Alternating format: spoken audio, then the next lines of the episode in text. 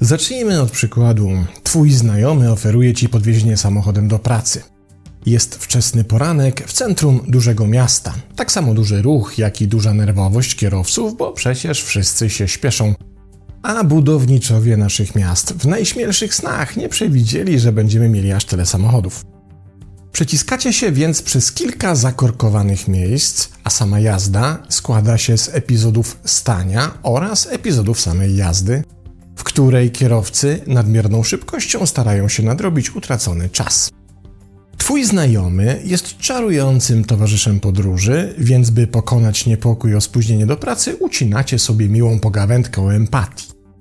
Nagle po minięciu kolejnego zakorkowanego miejsca i wydostaniu się na trochę swobodniejszy odcinek drogi, tuż przed was bezceremonialnie wtrążala się inny samochód, prawie ocierając się o zderzak.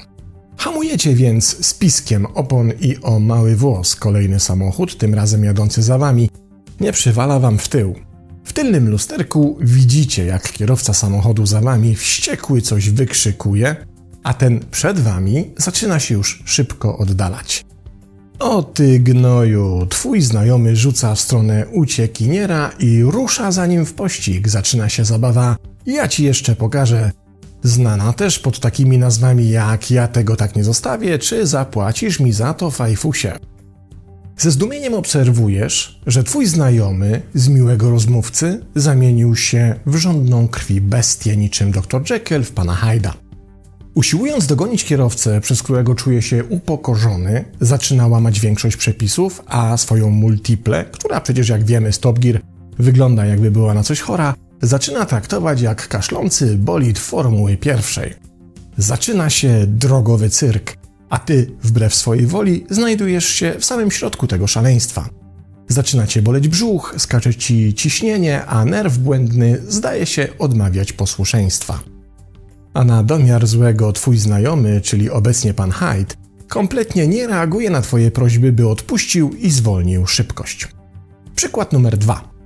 Tym razem siedzisz na miejscu pasażera w samochodzie prowadzonym przez bliskiego ci członka rodziny. To może być mąż, ojciec, wujek, dorosły syn itd. Tak Zostańmy przy płci męskiej, bo chociaż w psychologicznym efekcie ma ona tutaj mniejsze znaczenie, jakoś dziwnym trafem mężczyznom ten mechanizm przydarza się częściej. Wróćmy do samochodu. Jedziecie z punktu A do B, a odległość między nimi wskazuje, że spędzicie w tym samochodzie razem co najmniej dwie godziny. Rozpoczyna się rozmowa i niestety już po chwili schodzi na jakiś mocno drażliwy temat, w którym ty i kierowca samochodu macie skrajnie odmienne zdanie. Zrazu powoli, ale z czasem coraz bardziej żwawo zaczyna się awantura. W końcu dosadna wymiana zdań coraz częściej przypomina peskówkę, w której głośność wypowiedzi ma na celu podkreślić istotność argumentacji. W końcu masz tego dosyć na tyle, że mówisz: Zatrzymaj samochód, ja wysiadam. Na co kierowca żywiołowo reaguje, przyspieszając i jadąc przed siebie właściwie na oślep. Widać, że puściły mu emocje, nad którymi nie panuje. Zaczyna krzyczeć, że to on decyduje, kiedy ktoś będzie wsiadał czy wysiadał z jego samochodu i nieustannie dociska pedał gazu, przewracając stojące na drodze plastikowe słupki i stojący obok kosz na śmieci. Tutaj przerwijmy tę scenę, bo przecież jak tak dalej pójdzie, skończy się czołowym spotkaniem z przydrożnym drzewem.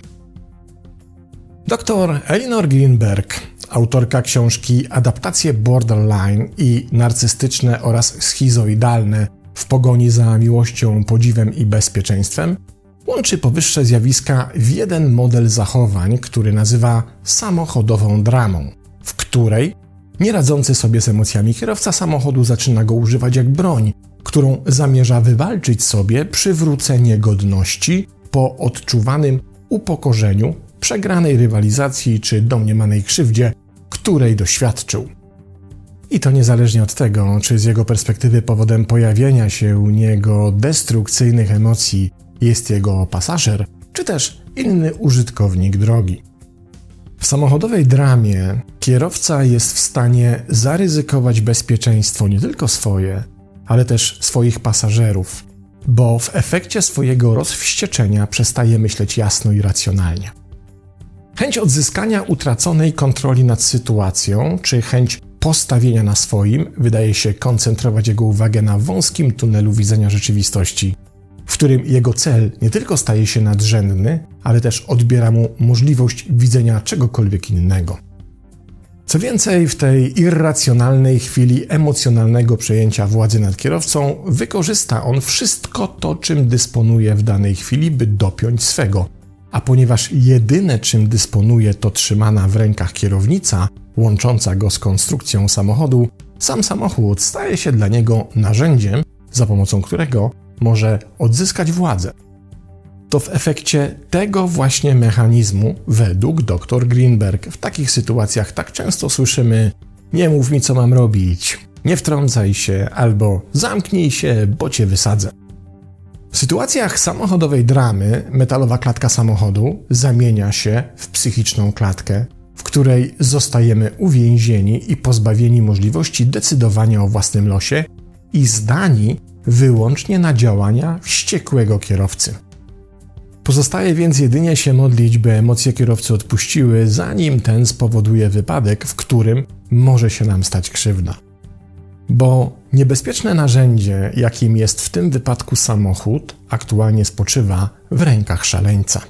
Jednak z punktu widzenia kierowcy jego zachowanie nie jest szalone i zawsze jest gotów wytłumaczyć je jednym z następujących powodów, i to nawet kiedy już emocje opadną, i wydaje się, że jego racjonalny ogląd rzeczywistości powrócił i pan Hyde na powrót stał się doktorem Jekyllem.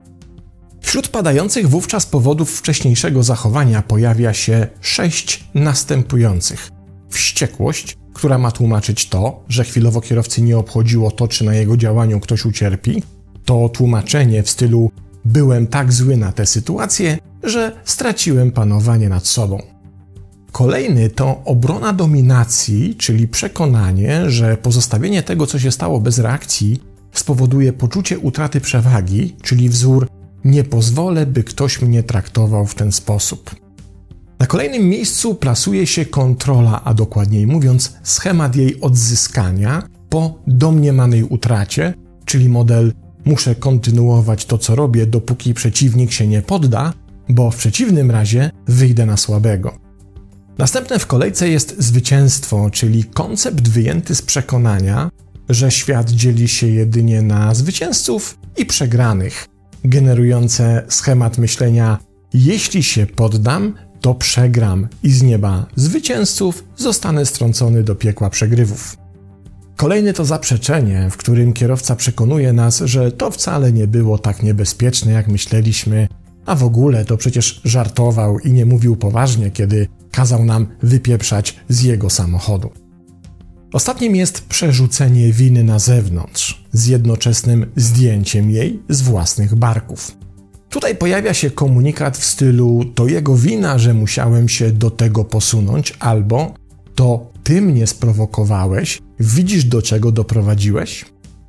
Te sześć wyróżników reakcji i postreakcji naszego samochodowego ciemiężyciela jest o tyle istotne, że to właśnie dzięki nim możemy prześledzić konstrukt, jaki dana osoba buduje w głowie i w którym odsłania swoje relacje ze światem i sobą samym.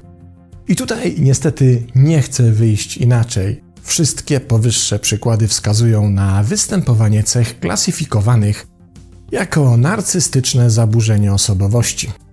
Dr Greenberg klasyfikuje tę diagnozę na podstawie występujących razem lub osobno czterech podstawowych deficytów charakteryzujących narcyzów, czyli zaburzenia postrzegania obiektów w pełnym spektrum i dzielenia ich na podstawie wyłącznie wartości skrajnych, takich jak dobry zły, przyjaciel wróg, mądry głupi. W tym obszarze narcyzi często w definicji sytuacji, w której się znajdują, pomijają środkowe pole spektrum, czyli wszystkie odcienie szarości pomiędzy czarnym i białym. Drugi deficyt dotyczy zdolności utrzymania uczuć wobec bliskiej osoby pomimo uczucia zranienia, rozczarowania, złości czy frustracji. Innymi słowy, to cecha, która powoduje, że zraniony w swoim przekonaniu narcyz zdaje się zapominać, co go łączy z bliską mu osobą i potrafi ją zranić bez najmniejszych skrupułów. Trzeci deficyt powoduje, że wobec braku empatii emocjonalnej system narcyza musi posłużyć się empatią poznawczą, która nie jest dostępna w chwilach silnego wzburzenia. Ostatni zaś dotyczy poczucia własnej wartości, które u narcyzów zazwyczaj jest na tyle słabe, że musi być wspomagane przez zewnętrzne wartościowanie, co jest jedynym regulatorem samooceny. Co zatem wynika z powyższych zestawień zachowań oraz ich źródeł? Otóż, kiedy jesteśmy świadkami samochodowej dramy, to możemy z dużą dozą prawdopodobieństwa przyjąć, że jej animator jest narcyzem, bo to właśnie te cechy skrywają się za tego typu zachowaniami. A urażony narcyz za kierownicą samochodu, który traktuje jako przedłużenie swojej władzy, dominacji czy sprawowania kontroli, może być szczególnie niebezpieczny nie tylko dla siebie, ale przede wszystkim dla swoich pasażerów oraz innych uczestników ruchu, niezależnie od tego, czy też są narcyzami, czy też nie. Ale nie koniec na tym. Diagnoza narcyza za kierownicą odsłania jedynie wierzchołek góry lodowej, bo jeśli ktoś ucieka się do takich zachowań za kółkiem, to możemy się również spodziewać, że jego destrukcyjnych dla otoczenia narcystycznych zapędów możemy być pewni również w pozostałych sferach życia. W relacjach rodzinnych, zawodowych, przyjacielskich czy romantycznych. W żadnych nie będzie z nim lekko. Pozdrawiam.